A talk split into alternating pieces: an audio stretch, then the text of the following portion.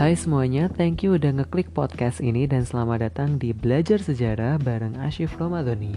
Pada kesempatan kali ini, kita akan belajar bersama terkait dengan ancaman disintegrasi bangsa Indonesia tahun 1948 hingga 1965. So, buat teman-teman semuanya, stay tune. Indonesia merdeka tanggal 17 Agustus 1945. Di awal kemerdekaan, kita sudah menghadapi berbagai cobaan. Ancaman demi ancaman yang menimbulkan perpecahan tentu sering kita hadapi. Dan itulah yang mengakibatkan kita harus semakin mempererat persatuan dan juga kesatuan.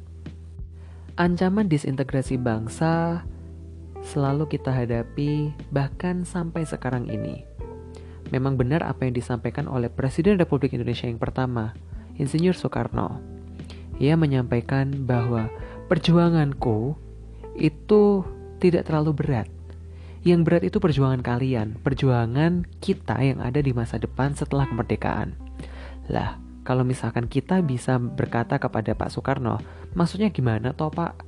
Kan justru berat Anda, Anda melawan penjajah.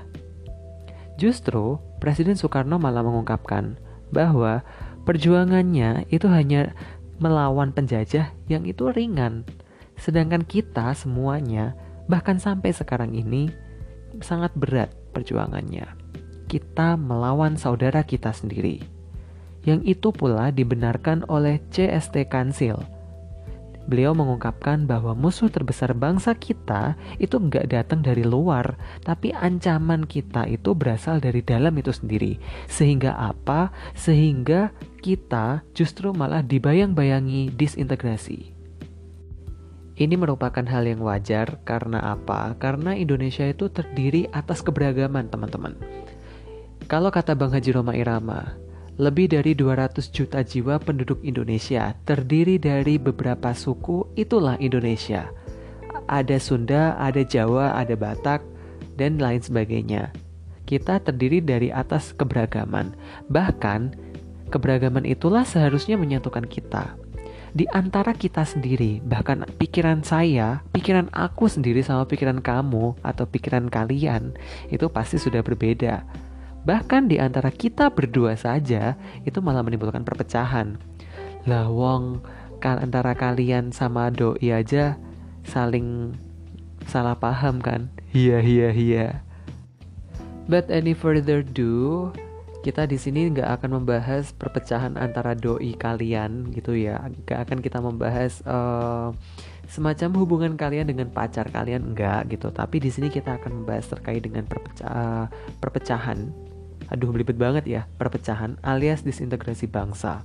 Nah, di sini teman-teman, tahun 1948 dan dan juga sampai 1965 itu merupakan tahun-tahun yang sangat genting. Kenapa demikian? Karena di awal tahun 1948 ibaratnya itu kita baru tiga tahun merdeka. Ternyata kita sudah dibayang-bayangi perpecahan teman-teman. Bahkan dari kurun waktu 1948 sampai 1965, kita telah menghadapi berbagai gejolak asmara. Aduh, bukan gejolak asmara itu lagunya Nasar Sungkar itu. Tapi kita menghadapi gejolak perpecahan yang ada di dalam negeri. Gejolak perpecahan yang ada di dalam negeri tahun 1948 sampai 1965 itu pasti memiliki tujuan tertentu. Mereka di antaranya ingin membubarkan negara Republik Indonesia. Bahkan ada yang ingin mengganti ideologi bangsa kita yaitu Pancasila. Atau bahkan mereka itu memiliki kepentingan tertentu yang tujuannya adalah untuk kepentingan mereka sendiri. Sumpah sih, ini parah banget. Mereka punya kepentingan, mereka punya keinginan untuk berkuasa, tapi mereka menghalalkan segala cara untuk apa ya egois banget sih menurut aku. Mereka seperti ingin memaksakan kehendaknya di atas kehendak orang lain. Dan itulah yang menurut aku sendiri menurut saya sendiri itu adalah hal yang sangat-sangat memilukan. Beberapa di antara mereka justru malah membunuh saudara kita sendiri. Heran gak sih? Kenapa sih saudara kita yang ibaratnya itu adalah teman seperjuangan kita itu tuh malah dirugiin sendiri. Saya tidak bisa membayangkan apa yang terjadi tahun 1948 hingga 1965. Karena apa? Karena kita pada saat itu, Indonesia pada saat itu masih sangat muda sekali. Bayangkan aja, kalau kita sebagai manusia umur 3 tahun, umur 3 tahun aja kita belum bisa apa-apa. Kita baru bisa ngomong ngoceh kali ya. Itu aja Indonesia umur 3 tahun sudah ada perpecahan. Dan itu memakan banyak korban. Sumpah, itu sangat gak bisa dibayangkan hanya karena mereka berbeda pendapat, hanya karena mereka berbeda pandangan, mereka justru menghalalkan segala cara, bahkan memainkan senjata untuk merugikan saudaranya sendiri, menghilangkan nyawa. Itu sangat memilukan, teman-teman. Apakah peristiwa-peristiwa seperti itu ingin kita ulangi kembali? Saya tidak bisa membayangkan bagaimana kejadian PKI Madiun tahun 1948 terulang lagi di tahun 2020 misalnya. Saya tidak bisa membayangkan bagaimana pemberontakan yang dilakukan oleh Westerling itu terjadi tahun ini di tengah virus corona mungkin ya. Saya yang paling tidak bisa membayangkan lagi adalah peristiwa 65 teman-teman peristiwa 65 yang mungkin bagi kita semua ini sangat fenomenal seperti Lucina Luna kali ya atau mungkin KKI kali ya sekarang. Itu bisa terulang lagi. Saya tidak bisa membayangkan itu orang dengan mudahnya nembak nembak dengan senjata ya bukan nembak perasaan orang. Aduh nonton filmnya aja udah ngeri teman-teman. Bahkan beberapa di antara korban itu merasa trauma. Beberapa di antara mereka itu rasanya seperti tidak ada pandangan hidup. Mereka bahkan tidak mau keluar rumah hingga berpuluh-puluh tahun mereka mengurung diri. Kesehatan mental mereka direnggut paksa pada saat itu. Apakah kita ingin hal itu terjadi lagi? itu sangat apa ya teman-teman mungkin teman-teman bisa melihat sendiri apa yang terjadi di tahun-tahun itu. Karena banyak sekali film-film atau mungkin video dokumenter teman-teman. Atau mungkin bahan-bahan bacaan dan juga referensi itu membahas hal-hal itu semua. Sumpah sih saya aja membayangkan hal itu terjadi lagi. Itu sangat memilukan. Bahkan menceritakan saya pernah mewawancarai salah satu uh, korban yang pada waktu itu berusia sekitar 10 tahun. Dia melihat orang tuanya orang tuanya yang pada saat itu ya sekitar tahun 1965. Dia masih kecil sekali dan orang tuanya itu dibawa, dibawa paksa oleh sekelompok orang. Tapi ayahnya nggak kembali lagi sampai sekarang. Bahkan nggak tahu nasibnya seperti apa sekarang. Teman-teman bisa membayangkan bagaimana anak umur 10 tahun yang notabene dia nggak tahu apa-apa, kehilangan orang tuanya. Dan nasib orang tuanya itu nggak diketahui sampai sekarang. I can imagine that sumpah ini yang masang bawang di sini siapa sih heran tapi teman-teman kita di sini nggak akan mewek-mewekan terkait dengan apa ya emosional ya mungkin. Kita nggak akan emosional seperti itu. Tapi di sini tujuan dari pembelajaran kita adalah biar apa? Biar teman-teman bisa mengambil hikmah kita tuh beragam dan kita harus bersatu. Jangan sampai peristiwa-peristiwa seperti pemberontakan PKI Madiun 48 bahkan terulang lagi di tahun 65 terus ada pemberontakan DITII lalu ada RMS Westerling dan lain sebagainya. Itu bisa terulang kembali. Jangan sampai kayak gitu teman-teman. Karena apa? Karena ya itu tadi. Impactnya itu sangat luar biasa. Kita harus belajar dari apa yang sudah terjadi di masa lalu jangan selalu mengatakan bahwa aduh kamu tuh nggak bisa move on. Yang udah terjadi ya udah gitu loh. Iya it's okay. Yang udah terjadi ya udah gitu loh. But at least kalian yang sudah tahu yang sudah terjadi itu ya sudah. Kalian harus tahu loh bahwa paling tidak kita tuh bisa mencegahnya atau mungkin kita bisa memaknai biar apa? Biar hal tersebut tuh tidak terjadi tidak terulang kembali teman-teman banyak sekali faktor yang mengakibatkan perpecahan di bangsa kita. Beberapa ahli menyebutkan ada kurang lebih tiga faktor. Faktor pertama, kok perdama, tipe ya teman-teman ya. Faktor pertama itu ada ideologi, yang kedua ada kepentingan, lalu yang selanjutnya yang terakhir itu adalah sistem pemerintahan. Kenapa faktor ideologi? Yang jelas ideologi itu ibarat apa ya? Ibarat pegangan hidup. Ideologi itu pandangan kita mengenai hal-hal tertentu. Pada awal kemerdekaan banyak sekali yang apa ya? Mereka merasa bahwa kita tuh sama-sama memperjuangkan kemerdekaan Indonesia. Indonesia itu merdeka karena perjuangan dari beberapa golongan, baik itu golongan nasionalis, baik itu golongan agama, baik itu golongan komunis atau sosialis, atau mungkin golongan-golongan yang lain gitu ya. Mereka merasa bahwa saya sudah berjuang, tetapi mungkin karena mereka tidak terwadahi dengan baik, that's why ya mereka melakukan pemberontakan dan terkadang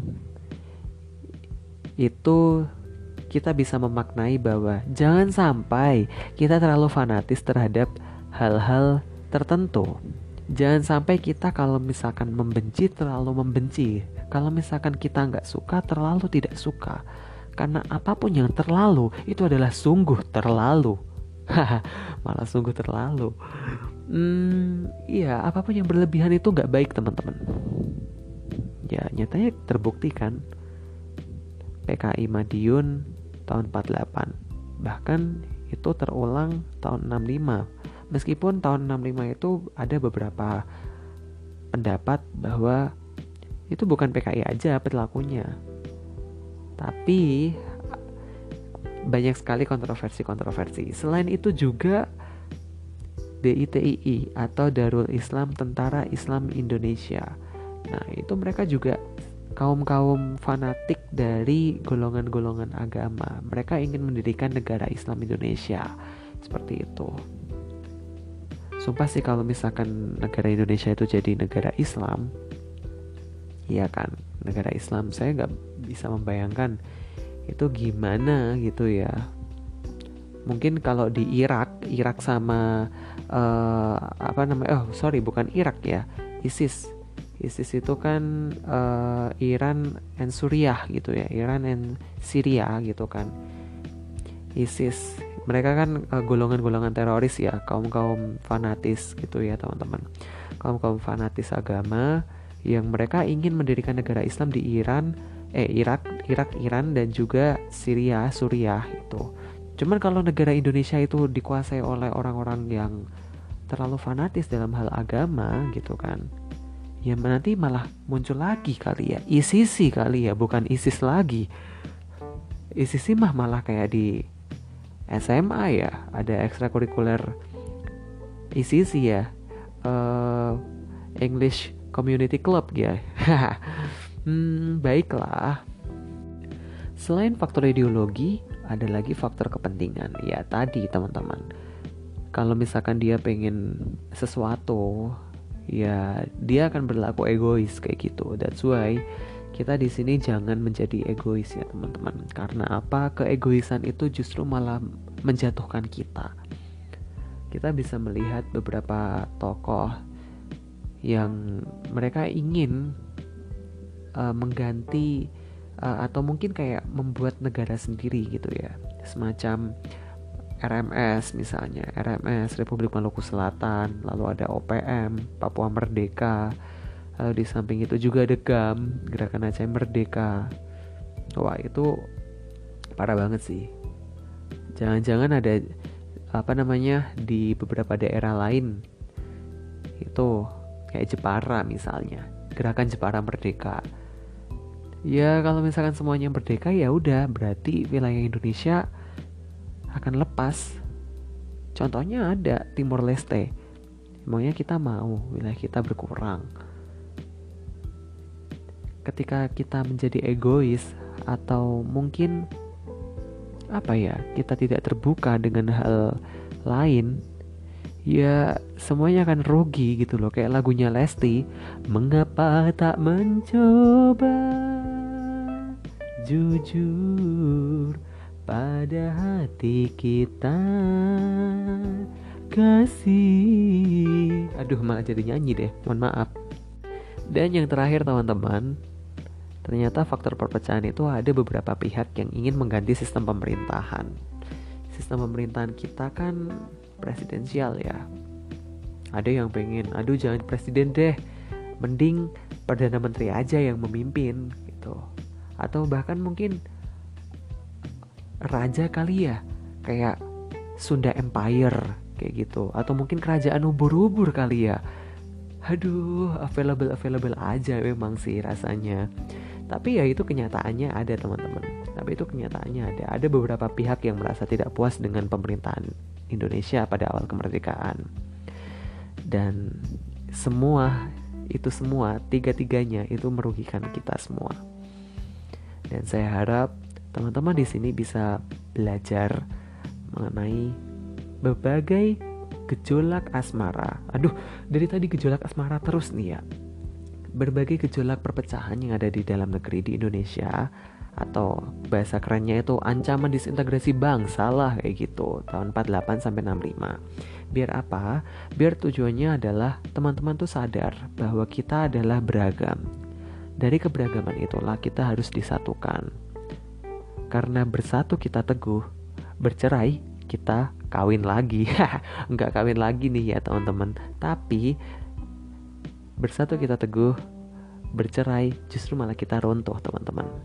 So, saya harap teman-teman bisa memaknai beberapa hal yang telah kita sampaikan tadi. Saya harap ini bermanfaat dan juga teman-teman pasti harus lebih bersemangat untuk mempertahankan Republik Indonesia kini. Karena NKRI itu harga mati teman-teman. So teman-teman semuanya, terima kasih banyak yang udah mau mendengarkan podcast kali ini. Saya harap teman-teman bisa memaknai apa yang telah saya sampaikan dan semoga bermanfaat. Sampai jumpa di episode selanjutnya. Sehat selalu.